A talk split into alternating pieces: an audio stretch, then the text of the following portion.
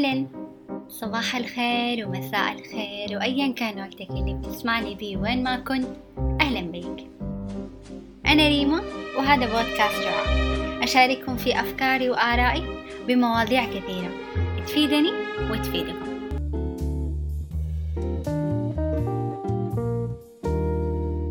هل تساءلت يوما من هو المتحكم بداخلك؟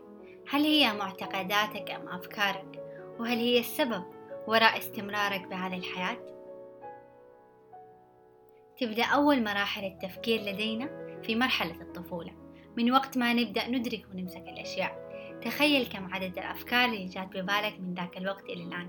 ومع هذه الأفكار والتجارب تبدأ شخصيتنا الحقيقية بالتكون. وشخصيتنا الحقيقية اللي تتضمن المعتقدات والمشاعر الرغبات والقيم الحقيقية. كل هذه التجمعات هي ما يكون شخصيتنا الظاهرة. والأفكار ما هي إلا مجموع العوامل التي يكتسبها الفرد في حياته من الحياة نفسها. والذي يقف خلف هذه الأفكار هو العقل. العقل الواعي هو الذي يفكر بحرية وهو الظاهر والحاضر وهو المسؤول عن تلقي المعلومات فيحلل ويستنتج وهو الذي يقبل الفكرة أو يرفضها ويعمل بسرعة 40 بت بالثانية. والبت هي أصغر وحدة قياس للمعلومات الرقمية. أما العقل اللاواعي فلا يستطيع أن يخرج عن برمجته ورد فعله يكون دائما على معلومات مخزنة وعلى سلوكيات مخزنة. يشرح الدكتور بريس ليبتون طريقة عمل العقل اللاواعي وشبهه بأنه مثل جهاز يحمل الكثير من التصرفات والمعتقدات والسلوكيات محفوظة فيه والتي تم اكتساب معظمها في السنوات الأولى من حياة الإنسان. ويعمل العقل اللاواعي بطريقة أسرع من العقل الواعي حيث أن ردات الفعل تعمل بدون إدراك أو سيطرة وبسرعة تفوق سرعة العقل الواعي بسرعة 40 مليون بت بالثانية.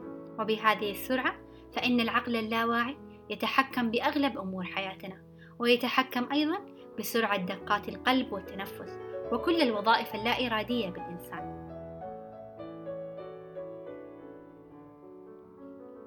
حياتنا أشبه بدائرة متصلة.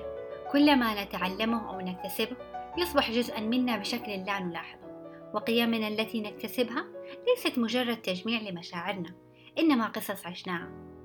تتبلور القيم التي نلتقطها ونحملها على امتداد حياتنا وتتصلب مشكلة ترسبات فوق شخصيتنا. وكثير من الناس يخلط بين شخصيتنا وقيمنا. الشخصية شيء عصي على التغيير إلى حد بعيد. أما قيمنا الجوهرية هي التي تتكون لدينا في مرحلة مبكرة من العمر استنادا في جزء منها إلى الشخصية. هناك أمور كثيرة لا يعرفها العلماء لكن يعرفون معرفة أكيدة أن ما نتعرض له بالطفولة يؤذينا. القيم التي نكتسبها في وقت مبكر من حياتنا سواء كانت جيدة أو سيئة تترك أثر بعيد الأمد على هويتنا وتولد في نفوسنا قيما أساسية ثابتة. وتصير عاملا محددا لقسم كبير من حياتنا. تجاربك الأولى هي قيمك الجوهرية. وإذا كانت قيمك الجوهرية سيئة فإنها تخلق أثرا سيئا مستمرا يمتد عبر السنين ويكون أثره السام على تجاربك كلها صغيرها وكبيرة. هل القيم تتغير؟ يقول مارك مانسون في كتابه خراب أن هناك طريقة لتغيير قيمك. وهي أن تبدأ إعادة كتابة قصص مستقبلك بنفسك وأن تتصور كيف ستكون حياتك عندما تكون لك مجموعة من القيم. من خلال تصور المستقبل الذي نريده نسمح لأنفسنا ولدماغنا الذي يشعر بأن نجرب تلك القيم. حتى نعرف كيف يكون إحساسنا بها قبل أن نقدم على الخطوة النهائية. وبنهاية المطاف بعد أن نقوم بهذا قدرا كافيا من المرات يكون الدماغ الذي يشعر قد اعتاد تلك القيم الجديدة وقد بدأ الاقتناع بها وتقبلها.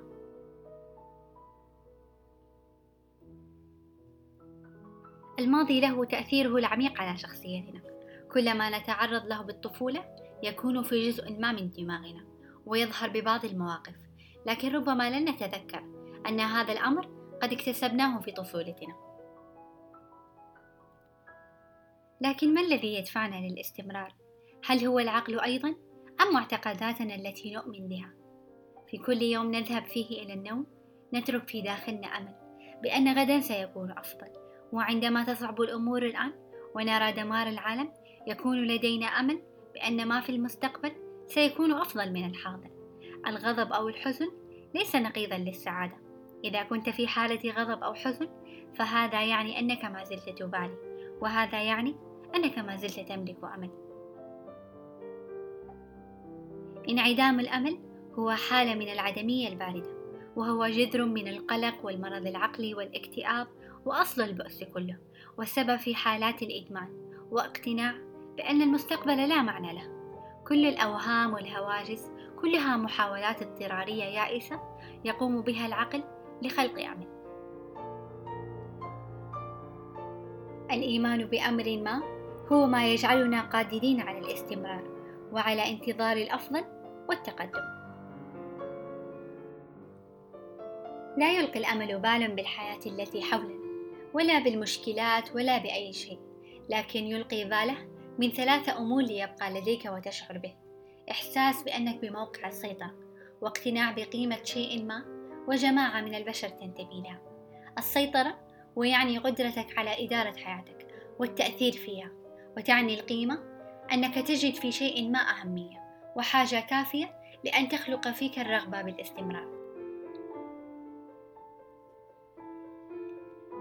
أما الجماعة البشرية تعني بأنك تشعر بأنك جزء من جماعة تنتمي لها وتنتمي لك. تجد معها قيمة للأشياء. من غير جماعة تنتمي لها ستشعر بأنك في عزلة وبأن قيمتك لا تساوي شيء. كل أمر نفعله بحياتنا ينعكس بداخلنا ونحمله معنا طيلة الأيام. ولو لم نلاحظ نحن بدوامة كبيرة ما بين العقل والقلب والمشاعر. تخلق هناك أمور لا نفهمها إلا عندما نخرجها. الباطن أعمق مما أظن وتظن أنت. خلق موازنة بالتركيز على الخارج وتحليل كل أمر يدخل لعقلك هي ما يجعلك تنجح وتبتعد عن كل أمر لا تريد اكتسابه. كن واعي واجعل عقلك يبقى مستيقظا دائما ليشاهد كل فكرة لا تريدها وكل تصرف يخلق بك شعور الغضب والضيق لتعرف التصرف معه. هذا العقل الكبير وكل هذه الأمور ليست أكبر منك. أنت الإنسان الذي خلقه الله بأدق التفاصيل والإبداع والأمور التي يسعى بكل يوم العلماء لفهمها. أخلق الأمل والعادات الجيدة في حياتك وفي حياة أبنائك وكل من تستطيع. واستمتع بلذة السعادة. واستسلم للواقع وقل نعم للحياة.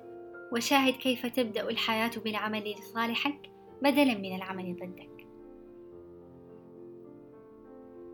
لا تنسى مشاركة هذه الحلقة مع شخص واحد مهتم وتقييمنا على تطبيق أبل بودكاست دمتم بخير وطابت كل أوقاتكم.